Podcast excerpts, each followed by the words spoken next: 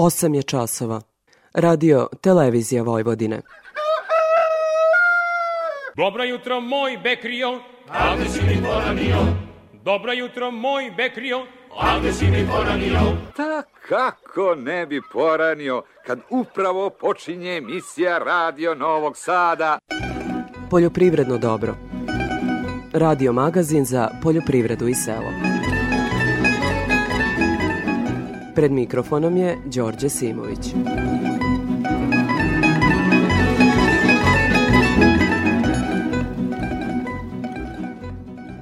Poštovani slušaoci, dobro jutro. Temi emisije ćemo govoriti na šta bi ratari trebalo da obrate pažnju kako bi kvalitetno posejali uljanu repicu, potom kolika je zainteresovanost poljoprivrednika za setvu te uljarice, kao i kakvi su cenovni trendovi na najvećim evropskim berzama. Uvode emisije Ana Marjanović i Romela sa Instituta za ratarstvo i povrtarstvo podsjeća da je prvo potrebno analizirati zemljište kako bi đubrenjem obezbedili neophodne elemente za rast i razvoj biljaka. u ovoj emisiji. Nakon toga treba pripremiti zemljište jednu sitnu mrvičastu strukturu i e, nakon setve izvršiti valjanje kako bi se omogućio dobar kontakt semena i zemljišta. Za uljanu repicu jako je važno da obezbedite ono što agrotehnika uvek kaže tvrda posteljica, mek pokrivač, kako bi mogla da e, razvije dovoljno brzo koren, da imamo jednovremeno klijanje i nicanje. Ne postoji ni jedna korist od paljenja žetvenih ostataka. Šteta je dalekosežna, bezbednostna, ekološka i agronomska. Sagorevanjem biljnih ostataka stvara se guz dim koji je često uzrok saobraćenih nezgoda na putevima. Dim zagađuje vazduh koji udišemo, a vatra u zemljištu uništava živi svet i tako smanjuje njegovu plodnost. Pošto sugestije, apel i molbe ne daju željene rezultate, država represivno deluje. Vršilac dužnosti direktora uprave za poljoprivredno zemljište Branko Lakić napominje da su kazne za fizička lica do 50.000 dinara, a za pravna do milion dinara. On podsjeća da će gazdinstvo poljoprivrednika koje je palilo strnjište biti stavljeno u pasivan status. U ovoj emisiji. To znači da prestaje da postoji u agrarnom sistemu Republike Srbije, da zbog paljenja žetvenih ostataka može doći situaciju da ne može da ostvari niti jedan posticaj, niti jedno pravo, privilegiju koju predviđa Ministarstvo poljoprivrede za poljoprivrednike, ne može biti zakupac poljoprivrednog zemljišta. Dakle, ne postoji za nas. Zbog svega navedenog, Ministarstvo za zaštitu životne sredine pokrenulo je kampanju Ne pali strnjiku, a neodgovorni pojedinci koji se ogluše o sve apele trebalo bi da znaju da će uz pomoć informacijonih tehnologija i satelitskog snimanja lako biti otkriveni u činjenju ovih prekršaja. Raspisan je drugi javni poziv za podršku mladima u ruralnim područjima na teritoriji grada Novog Sada u 2023. godini, a ukupno je izdvojeno više od 21 miliona dinara. Novac se dodeljuje za podršku investicijama za razvoj i unapređenje u sektoru proizvodnje povrća, voća, grožđa i cveća. Maksimalan iznos bespovratnog novca po prijavi ne može preći milioni 400 hiljada dinara. Pravo na postice, nažalost, imaju samo oni poljoprivrednici koji su gazdinstvo prvi put registrovali posle 1. januara prošle godine. Takođe, potrebno je da podnosilac prijave ima punih 18 godina, ali ne više od 40 godina, kao i da nije koristio novac za podršku mladima u ruralnim područjima. Prijava se podnose u gradskoj kući u Novom Sadu, a krajnji rok je 19. septembar. Vaše sugestije su svakako dobrodošle, pa vas pozivam da napišete na e-mail adresu dobro.rtv.rs ili da nam svoje komentare ostavite na društvenoj mreži Facebook u grupi Poljoprivredno dobro. Toliko u vodu slušamo Bećarac koji peva Momir Savić. Hej,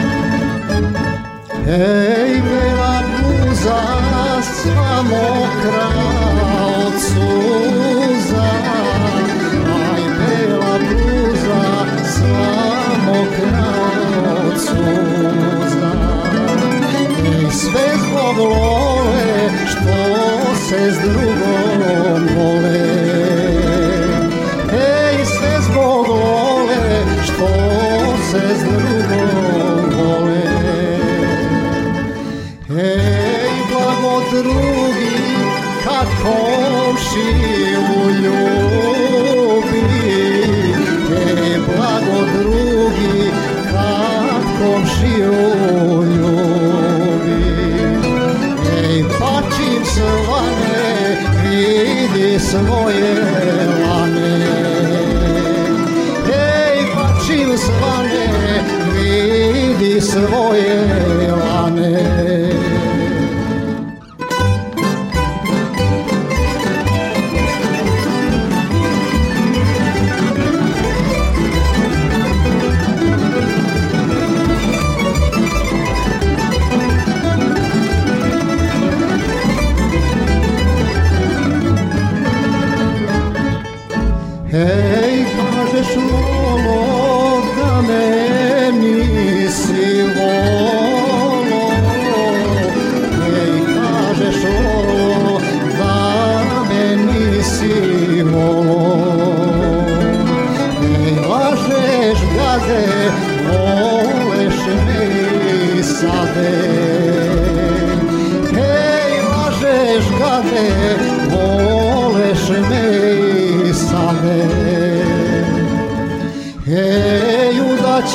se za momka jedinca.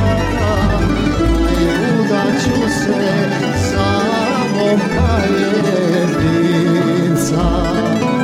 Ej, čim sasica odva gazdarica.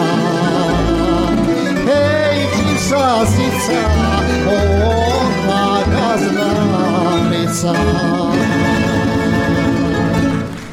Poljoprivredno Poljoprivredno dobro. radio, Radio Novi Sad.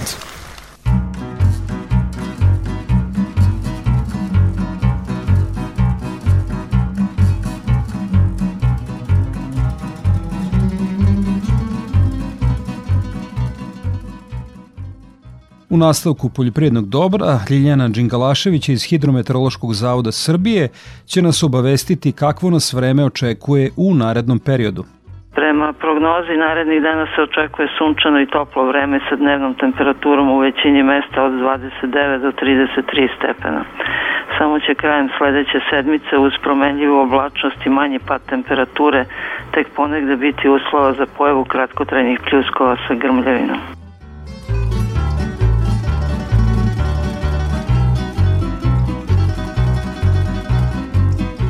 Ovih dana insekti i poljski glodari su izuzetno aktivni. O tome šta činiti savjetuje nas Milica Tepić iz prognozno izveštene službe u zaštiti bilja. Trenutno je aktualna zaštita postanog šećerca, paprike, paradajza, jesenjih kupusa, brokolje, karfiola od kukuruzne, odnosno pamukove sovice. Na pojedinim parcelama su u nedelji za nama registrovana novo položena jaja ove štetočine na do čak 40% biljaka. Visoke temperature vazduha tokom ove nedelje uticale su na brz razvoj pomenute štetočine, te je otpočelo i piljenje larvi iz novo položenih jaja. Treba pregledati useve i svuda gde se uoči prisustvo kukuruzne sovice, a gde je moguće ispoštovati karencu zbog blizine berbe, preporučuje se primjena registrovanih insekticida jer u suprotnom mogu nastati velike štete na usevima. Aktuelna je i zaštita postrne soje, gde se beleži prisustvo larvi stričkovog šarenjaka koje izgrizaju listove, upredaju vršno lišće i pri jačem napadu mogu izazvati golobrast.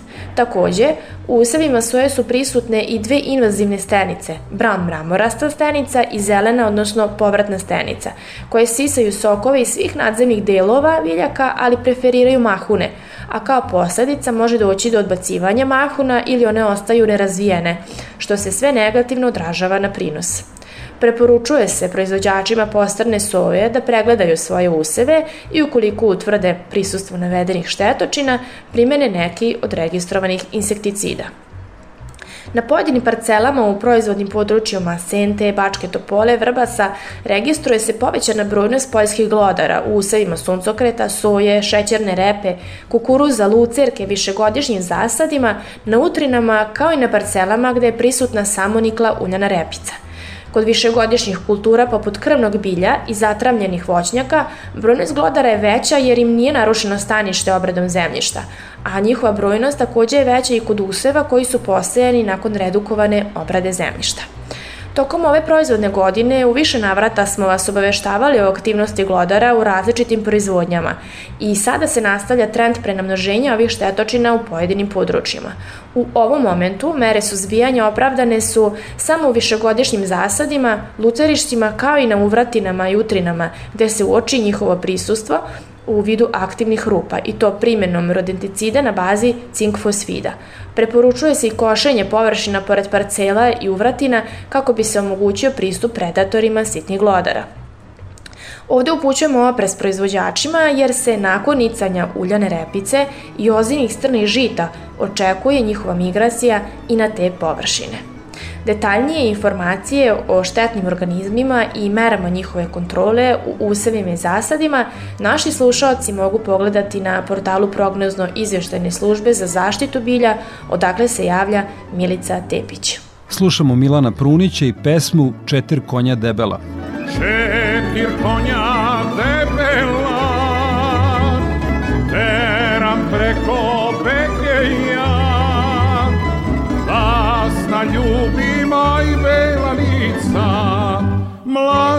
mladi švigarica šalaj. Dasna ljubima i bela lica, mladi švigarica šalaj.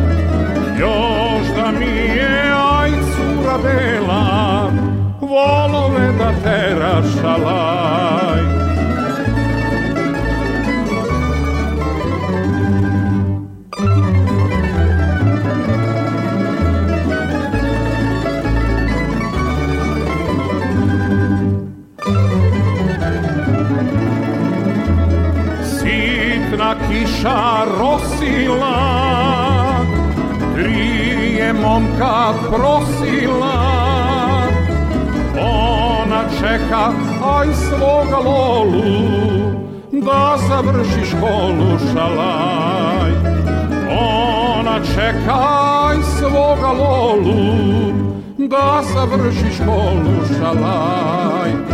Bečke rečka Ćuprija, usana ko kutija Tera lolaj četiriće pa ne možda priđe šalaj. Tera lolaj četiriće pa ne možda priđe šalaj. Ovako da se saberem u spavaćoj sobi u 5 sati budi me radio Novi Sad s lepom vojeđanskom muzikom. Onda u kuhinji slušamo obično kad e, ručamo ili nekom drugom prilikom. U radionici ako nešto radim, tu je radio Novi Sad, a u štali tamo to je obavezno. Tamo najviše slušam radio Novi Sad. Poljoprivredno dobro. Radio Novi Sad. Ja stanicu ne menjam.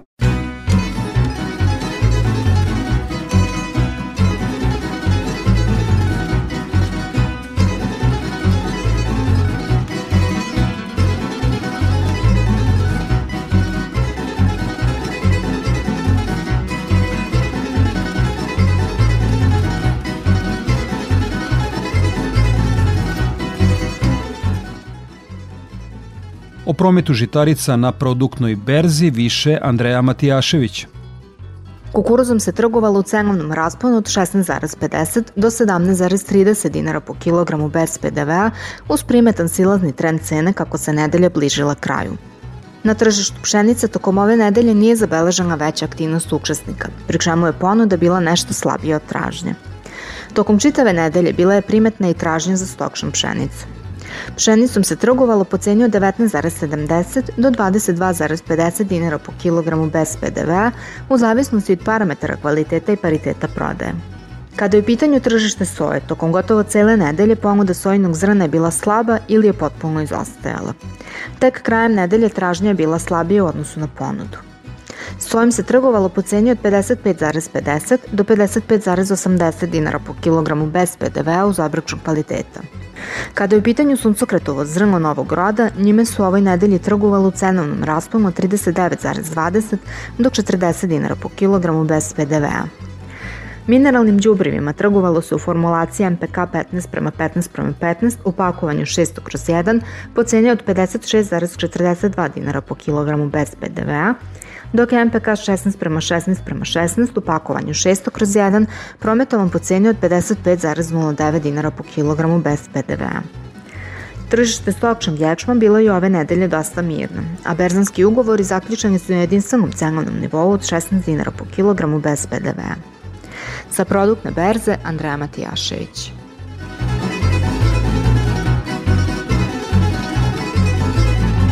Nakon izveštaja sa produktne berze, Gordana Jeličić iz Infotim Logistike obavestit će nas o trendovima na tržištu stoke. Sve cene su bez uračunatog poreza na dodatu vrednost. Tokom nedelje naši saradnici tovne svinje sa farme oglašavali su po ceni od 230 do 300 dinara po kilogramu, tovljenike sa mini farme po ceni od 277 do 280 dinara po kilogramu, a tovljenike iz otkupa po ceni od 250 do 260 dinara po kilogramu. Ukupno je tržištu ponuđeno oko 1000 tovljenika. Tokom ove nedelje pregovori za tovne svinje sa farme i mini farme postizani su po ceni od 277 do 280 dinara po kilogramu. Za narednu nedelju klaničari će farmsku robu plaćati 280 dinara po kilogramu. Prasaca farme oglašena su po ceni od 450 do 550 dinara po kilogramu, prasaca mini farme po ceni od 416 do 417 dinara po kilogramu, a prasad iz otkupa po ceni od 310 do 350 dinara po kilogramu. U ponudi smo imali oko 2000 prasadi. Tokom nedelje beležili smo trgovanje prasadi e, za fanuske robe po ceni od 450 dinara po kilogramu. Nazimice za priplot ponuđene su po ceni od 50.000 dinara po komadu. Krmače za klanje ponuđene su po ceni od 203 dinara, po kilogramu. Jagnjac su ponuđena po ceni od 370 do 380 dinara po kilogramu, a ovce za klanje ponuđene su po ceni od 176 dinara po kilogramu. Bikovi rase Holstein oglašeni su po ceni od 265 do 305 dinara po kilogramu, a bikovi simentalci po ceni od 320 do 337 dinara po kilogramu. U ovoj nedelji beležili smo trgovanje za bikove rase simental po ceni od 320 dinara po ki kilogramu. Kad je živina u pitanju, jednodnevni pilići teške linije ponuđeni su u rasponu od 47 do 60 dinara po komadu. U ponudi smo imali i 800-nedeljne koke nosilje po ceni od 800 dinara po komadu. Cene su izražene bez PDV-a. Za Radio Novi Sad, Gordana Jeličić iz Infotim Logistike. Slušamo Predraga Cuneta Gojkovića i pesmu Moj čardače, pa u temi emisije govorimo o setvi uljene repice. Moj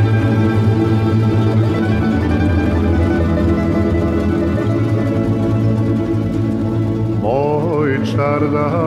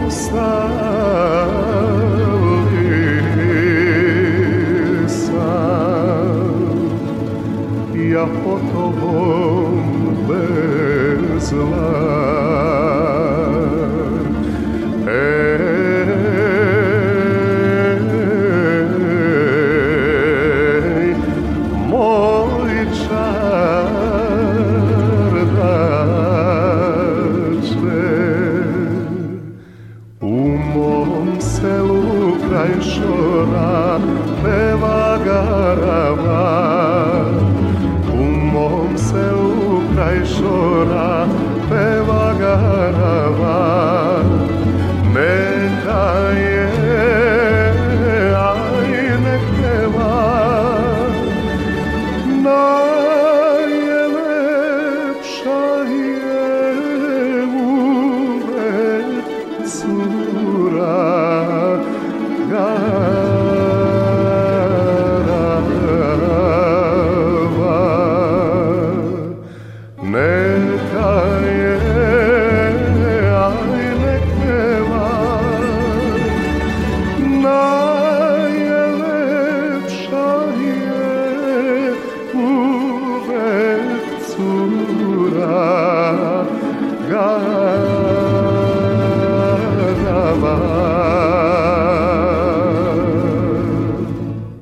emisije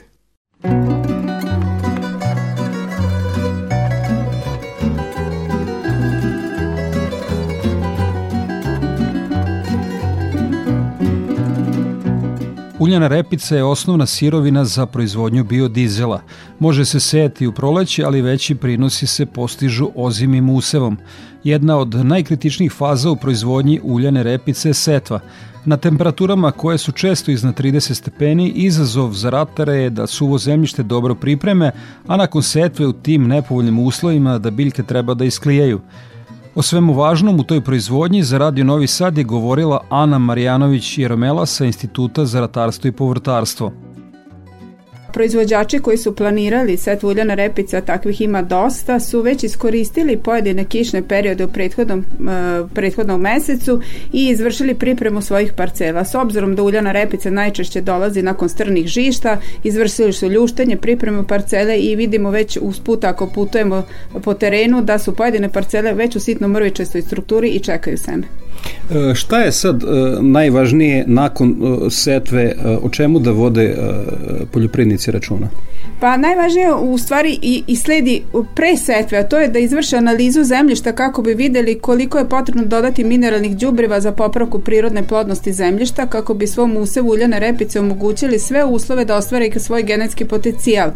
Nakon toga treba pripremiti zemljište jednu sitnu mrvičastu strukturu i e, nakon setve ili pre ili posle, jer svaki proizvođač najbolje poznaje svoju parcelu i svoje zemljište, izvršiti valjanje kako bi se omogućio dobar kontakt semena i zemljišta. Za uljanu repicu jako je važno da obezbedite ono što agrotehnika uvek kaže tvrda posteljica, mek pokrivač, kako bi mogla da e, razvije dovoljno brzo koren, da imamo jednovremeno klijanje i nicanje optimalno vreme setve nije isto što i optimalno vreme nicanja. Od momenta nicanja do zime mora proći dovoljno vremena kako bi uljana repica razvila 6 do 8 pari listova i ušla u fazu prezimljavanja spremna za zimu.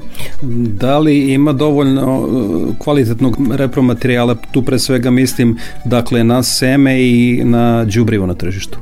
E, svakako širok je asortiman semena koje nude i nacionalne, odnosno naša institut za ratarstvo i povrtarstvo je stvari jedini institut koji se u ovom regionu bavi oplemenjivanjem uljane repice i gde su sorte i hibridi koje mi proizvedemo prilagođene ovom e, području, ali i druge kompanije imaju seme, takođe ima đubriva dovoljno, ima goriva dovoljno, važno je pripremiti, ponovit ću još jednom parcelu na vreme i posejati u optimalnom roku, ali ne u suvo zemljište, već sačekati da dovoljna količina padavina prokvasi taj setveni sloj.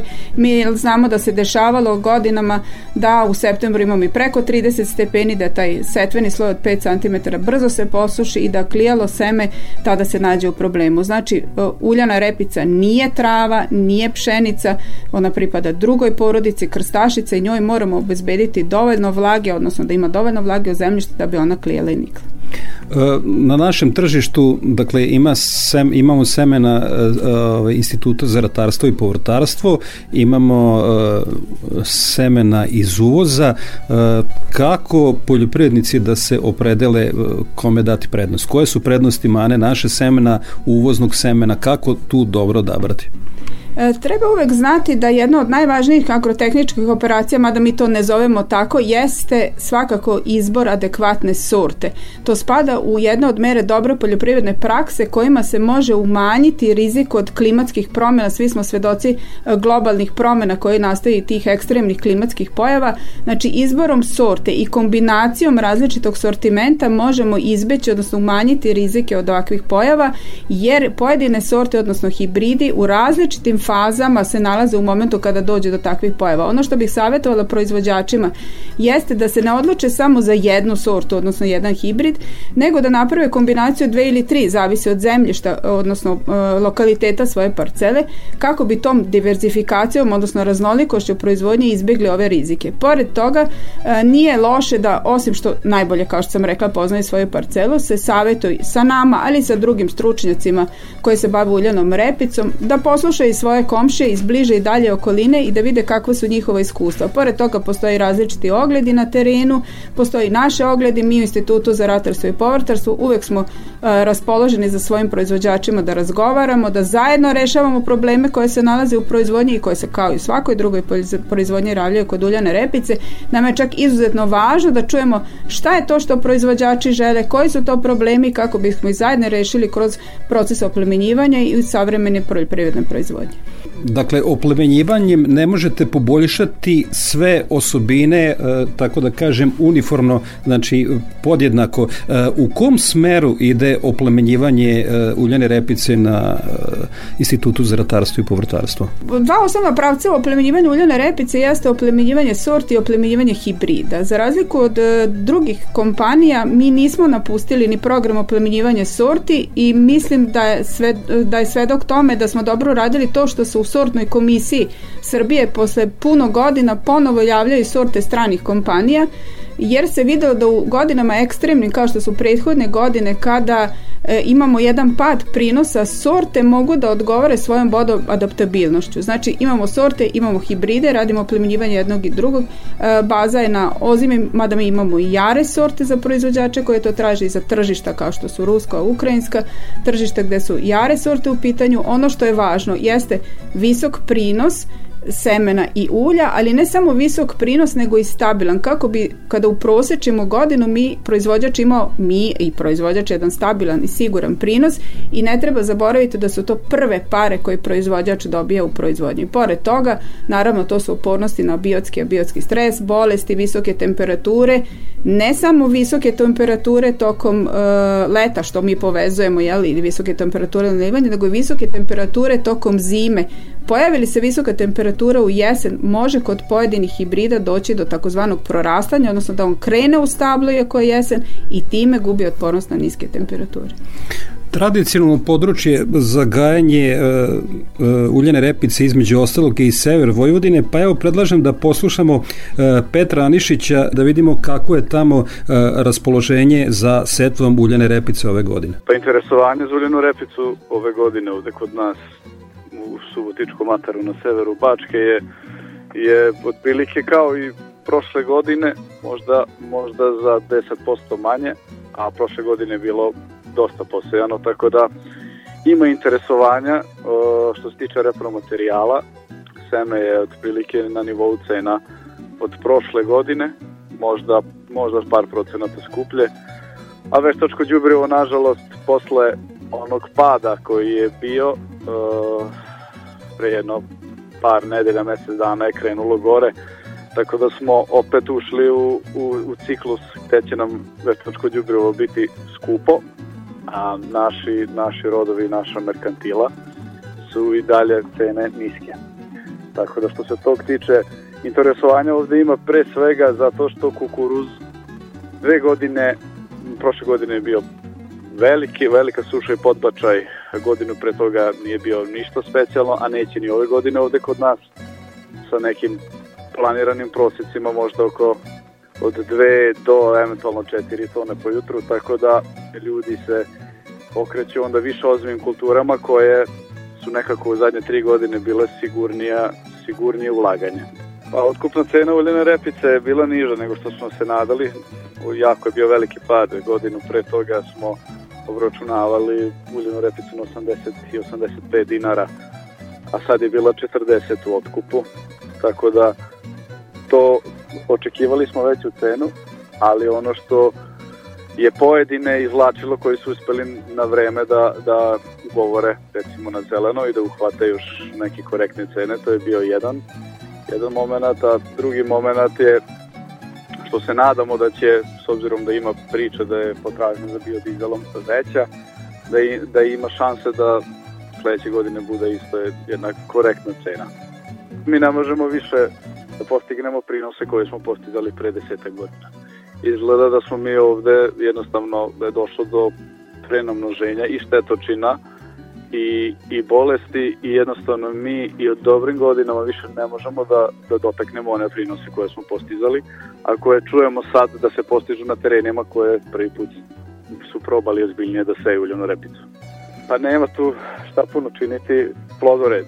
Plodored, mi smo ovde napustili suncokret, e, većina proizvođača, pa i ja, napustili smo suncokret i počeli s uljenom repicom pre prilike desetak godina i bila su manje ulaganja u uljenu repicu, jednostavno bilo je manje prskanja, bilo je manje štetočina, a veći prinosi.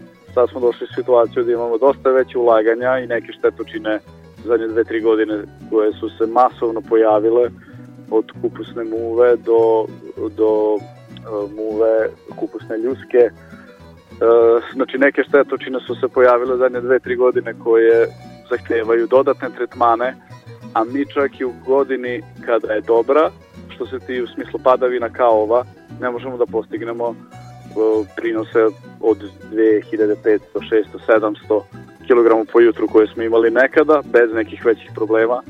Sad 2000 kila, 2100, 200 ako koje ima ove godine, taj je maltene pa rekorder na ovom terenu. Da, e, čuli smo Petra Anišića iz e, Subotice. Ana, komentar? Prilog je odličan, zaista obuhvatio sve aspekte proizvodnje uljane repice, a zahvaljujem e, gospodinu što me podsjetio na jednu priču koju mi kao plemenjivači često pominjemo, a to je da je stari sortiment pre uvođenja takozvanog 0,0 tipa uljane repice imao prinos 5 tona gotovo redovno. Šta je razlog tome? Vi naglim skokom u oplemenjivanju na kvalitet dobijete jedan pad prinosa. To je još jedan od, od uh, zadataka oplemenjivača uljane repice da sa novim kvalitetom ostvare onaj stari prinos i da ga premaše. To je još jedna stavki. Uh, pojava štetočina da zaista u nekim proizvodnim područjima imamo kalamitet nekih insekata, ne samo što je povećana proizvodnja, nego i baš ove uh, različite klimatske pojave, odnosno veća temperatura i ranije pojavljivanje visokih temperatura i kretanje vegetacije izaziva ovu pojavu insekata. Mi imamo sad invazivne insekte koje nikad nismo imali i koje sada napadaju uljanu repicu, da zaista i problem u tehnologiji proizvodnje skupi input i ta razlika u ceni između inputa i finalnog proizvoda dovodi do toga da pojedini proizvođači štede. Nemojmo zaboraviti onaj koji prvi put ulazi u proizvodnju uljane repice da će sve, neće štediti, hoće da proizvede maksimalno, posebno ako je kupio jako skupo seme, o tome isto treba voditi računa da proizvođač kad kupi skupo seme onda je da sve inpute, a kad malo uštedi na semenu onda malo uštedi na svemu drugom, pa je to onda rezultat pada prinosa. Tema je vrlo ozbiljna i e, zahvalila bi gospodinu, možemo se i čuti pa da uradimo i neku analizu zašto da na pojedinim područjima dolazi do pada prinosa, jer to je sistemski problem, nije pojedinačna situacija, a ja verujem da i uticaj prethodne vegetacione sezone, odnosno kako su jari usevi reagovali prethodnoj sezoni ima posljedicu na setvenu strukturu ozimih biljnih vrsta. Kada dođe do pada prinosa uh, jarih biljnih vrsta, onda se svi sete ozimih vrsta i njihovog mogućnosti da koriste uh, zimsku vlagu i te niske temperature pre toplotnih udara i obrnuto, uh, dugoročno se ne pravi, nažalost, sve je stihijski, pa i to nikog ne krivimo, takva je situacija, ali ja verujem da jednim planom proizvodnje ne samo ono što dobijete kao prinos uljane repice, da računate kao prihod svog uh, gazdinstva, već i to šta će naredni usev koje poseje na vreme u dobro pripremljeno zemljište nakon uljane repice kao idealnog useva, useva dati vašem gazdinstvu.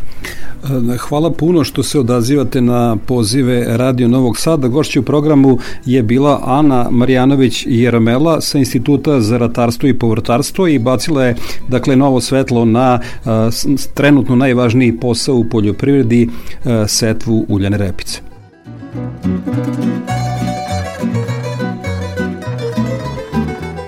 O tome kakva je cena uljane repice na evropskom tržištu za poljoprivredno dobro je govorila Araksi Mikaelijan iz Infotim Logistike. Trenutno najniža cena uljane repice u Ukrajini i ona iznosi 400 dolara po toni. Cene u lukama Francuske i Nemačke su približne. U zavisnosti od uslova i luka, cene u Francuskoj su od 438 do 456 evra po toni, a u Nemačkoj 452 evra po toni. Za razliku od terminskih ugovora, cene u lukama su za trenutna trgovanja. Što se tiče terminskih cena uljene repice, na francuskoj berzi Matif su cene za utovar u novembru 465 evra po toni, za februar 2024. 480 evra po toni, a za maj 485 evra po toni. U odnosu na cenu u žetvi tokom juna, cene su za desetak posto niže. Tada su se cene u Francuskoj kretale od 465 do 531 evra po toni u zavisnosti od luke i uslova. Kao i svim ostalim ratarskim kulturama, tako je i uljana repica doživela veliki pad cene u odnosu na prošlu godinu. Najviša cena u Francuskoj je bila krajem aprila 2022. godine. Iznosila je 1100 evra po toni, a kasnije je beležila konstantan pad. U junu 2022. godine se cena kretala od 820 evra po toni početkom meseca do 685 evra po toni krajem juna. Kada već radimo poređenje, da spomenemo na još cenu uljane repice u septembru prošle godine, a ona se kretala u Francuskoj između 600 i 610 evra po toni.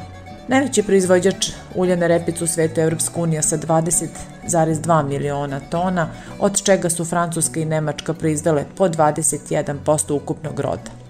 Posle toga je Kanada sa 19 miliona tona, Kina 15,4 miliona tona, Indija 11,7, Australija 4,9 miliona tona i tako dalje. Poređenja radi, Naša proizvodnja za prošlu godinu je bila zasnovana na površini od 29.000 hektara sa prosečnim rodom od 3.000 kg po hektaru i ukupnom proizvodnjom od 87.000 tona. Jasno je da u Srbiji ima prostora za širenje ove uljarice koji je u svetu vrlo rasprostranjena, a uslovi u Srbiji pogoduju, kao kultura nije zahtevna, a obzirom da je prva kultura koja se skida sa njiva, ostaje prostor za još jednu žetvu. U ime Infotim Logistike, Araksi Mikaelijan. Otkupna cena uljene repice zavisi uglavnom od cene na svetskom tržištu, pošto gotovo celokupan rod izvozimo. Pošto je reč o sirovini za proizvodnju biodizela, kada cena nafte u svetu raste, raste i otkupna cena semena i ulja od uljane repice. Toliko u temi emisije slušamo Đurađa Mitrakovića i pesmu Lula moja srebrom okovana. Muzika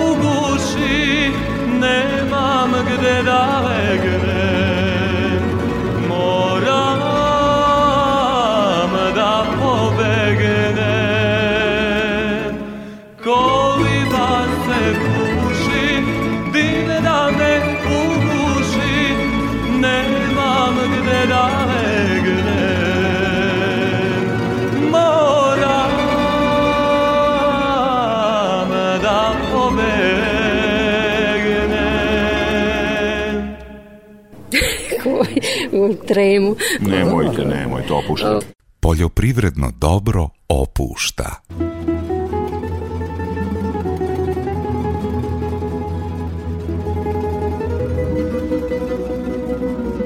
Zahvaljujući svom patentu za zadimljavanje nazvanom Zmaj, bravar iz ruskog sela kod Kikinde, Zoltan Lener, uspeo je proletos da od izmrzavanja zaštiti svoj voćnjak kajsije veličine jednog hektara sa više od 400 stabala. Zahvaljujući primjeni pune agrotehnike i korišćenjem odgovarajućih sorti, više od 90% ukupnog roda bilo je ekstra klase. Branislav Ugrinov. Voćari u Kikindi već godinama imaju velikih problema sa proizvodnjom kajsije, imajući u vidu da svake godine dolazi do izmrzavanja, što dovodi do toga da mnogi odustaju od posla. Međutim, kada bravarsko iskustvo stečeno na poslu spojite sa poljoprivrednom proizvodnjom, nastaje zmaj, patent Zoltana Lenera iz ruskog sela koji je od izmrzavanja spasao njegov voćnjak veličine jednog hektara sa više od 400 stabala. Morao sam nešto da preduzmem, znači probao sam da namestim neku mašineriju, da tako zovem, ja ga zovem zmaj, ovaj, pa koristim neke bale unutra i onda kad je u vreme, kad, je, kad su mrazevi, jel, a ona je u cvetanju, onda ja palim traktor uveče, u stvari to je posle 12, kad je minus 1, 2, već onda krećem i onda celu noć okrećem, okrećem dok ne bude plus. Zahvaljujući primjeni pune agrotehnike kao i korišćenjem domaćih sorti, ostvaren vrhunski prinosa preko 95% ukupnog roda bilo je u ekstra klasi. Sorte su sve novosadske. Uglavnom to izgleda ova površina podnosi dobre, dobro i rezultate dobili, tako. I ovaj, pa ima novosadske četvorka, novosadska šestica, Roksana i novosadska rodna. Velike tajne uspešnoj proizvodnji nema, ali veliku ulogu u celoj priči igra pravilno kalemljenje. O tome nam je govorio Petar Grujić, inženjer voćarstva. Da je dole džanarika, ovaj je korenotvorac, šljiva bezvirusna Stanley je deblotvorac, a kajse je gore krunotvorac. Ovo nije prvi slučaj da naše ljudi osmisla patent koji mu napredi proizvodnju, što samo pokazuje koliko takozvana stara garda još uvek poznaje mašinsku i elektrostruku stečenu decenijama ranije. Možda bi upravo spoj mladosti i iskustva doprinao tome da se uradi kvalitetan marketing, a patenti ne ostanu samo u našim voćnjacima.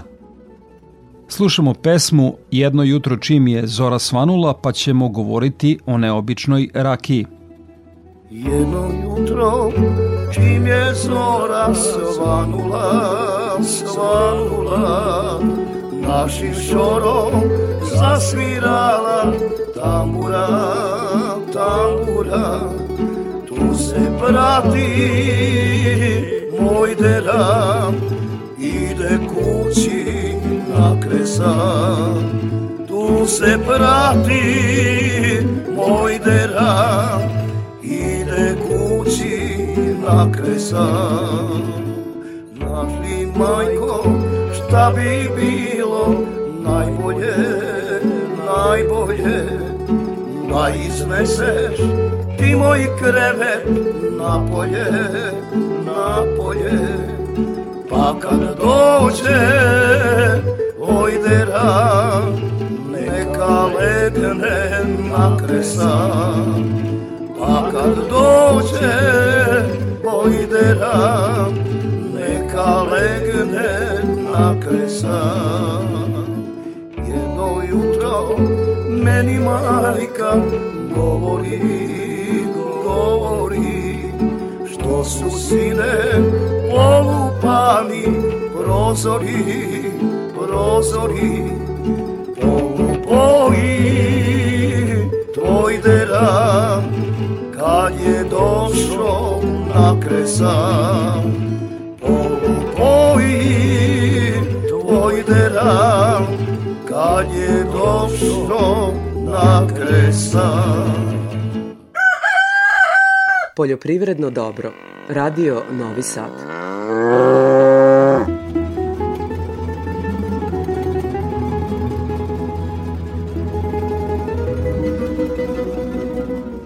Rakija kao brend van granica naše zemlje postaje luksuzno piće, a svemu su doprineli naši proizvođači udruženja koja su radila na promociji ovog pića u svetu. Podrum pevac u Kragujevcu u paleti svojih proizvoda ima i rakiju dunje sa zlatnim listićima, džin od 11 trava i penušavo belo vino od crvenog grožđa domaće sorte Prokupca. O tome Ana Rebić. Aleksandar Stanković, vlasnik destilerije i vinarije Pevac iz Kragujevca, prvi u Srbiji pre 10 godina došao na ideju da napravi jedinstvenu rakiju i to od dunje sa zlatnim listićima u sebi. Dunja se posebno bira za ovu vrstu rakije i odležava nekad i više od godinu dana, a zlato je toliko tanko da se ni ne oseti. Mi smo to prvi uradili u Srbiji, jednu rakiju a, sa zlatnim listićima pitanju je rakija od Dunje koja je odležavala u srpskom hrestu. Inače ovo je zlato jestivo, 23 ili 24 karata treba da bude bilo jestivo i veoma se radi na, na, na poseban način, to su specijalne mašine koje to zlato tanje na neki stoti deo milimetra. Reakcije su fenomenalne. Mi smo uh, stvarno napravili svetski poznat brend što se tiče naše rakije Zlatnog pevca, otišao je skoro u, u sve zemlje sveta. Aleksandar je spojio tradiciju svoje porodice sa savremenom proizvodnjom. Pradeda mu se bavio proizvodnjom rakije, dok je opet pradeda njegove supruge bio pinter. Danas nova tržište inspirišu i ne proizvodnju nešto neobičnih proizvoda. U ovoj godini smo uradili što se tiče rakija i tih alkoholnih pića, jedan lep jedinstveni džin, koji ima 11 trava i jedan lepi tajni sastave koji mu daje posebnu zelenu boju. Onda po prvi put u Srbiji je jedna vinarija uradila penušavo vino Prokupca, uradili smo posebnu tehniku Blanc de Noir, gde smo napravili belo od crvenog grošća. Od 2008. godine Aleksandar se ozbiljno bavi proizvodnjom i rakije i vina. Kapacitet proizvodnje svih pića podruma Pevac danas iznosi oko 100.000 litara godišnje, dok 70% proizvoda odlazi u izvoz. Marketinški smo uh, dosta lošije pozicionirani i, i brendovski u odnosu na druge proizvode. Zašto? Zato što naš cenovni rang pića samo u nabavci je dosta uh, viši nego sami neki prodajni proizvodi kao viski, vodka, džin, ali ali se mi borimo to da ljudi znaju da su srpske rakije od 100% voća i da samim tim je cenovni rang puno veći. Neki moj predlog je čak da nas pet destilerija koje, koje imamo na zalihama tu rakiju od šljive koja ima geografsku oznaku da zajednički napravimo jedan klaster, jednu, jednu zajedničku etiketu i da tako nastupimo. Kao aktuelni predsednik Udruženja proizvođača rakija i šumadije mišljenja je da putevi rakije imaju veći potencijal od vinskih puteva zbog jedinstvenosti proizvoda koji nudimo svetu jer se danas naše rakije nalaze skoro na svim kontinentima.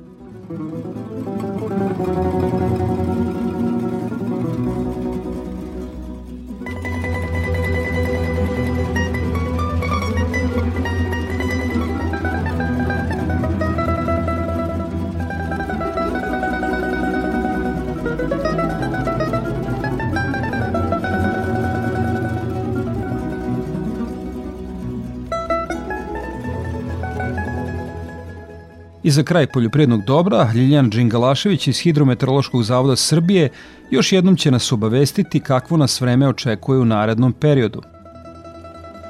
Prema prognozi narednih dana se očekuje sunčano i toplo vreme sa dnevnom temperaturom u većini mesta od 29 do 33 stepena.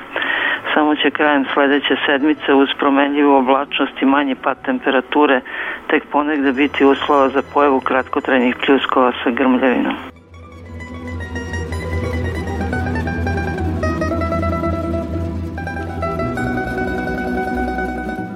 Toliko poštovani slušalci u ovom izdanju Poljoprivrednog dobra radio magazina za poljoprivredu i selo javne medijske ustanove Vojvodine. Ja sam Đorđe Simović i pozivam vas da ostanete uz Radio Novi Sad. Vašoj pažnji preporučujem ekološki magazin pod staklenim zvonom koji je na programu na Konvestiju 9. Svako dobro!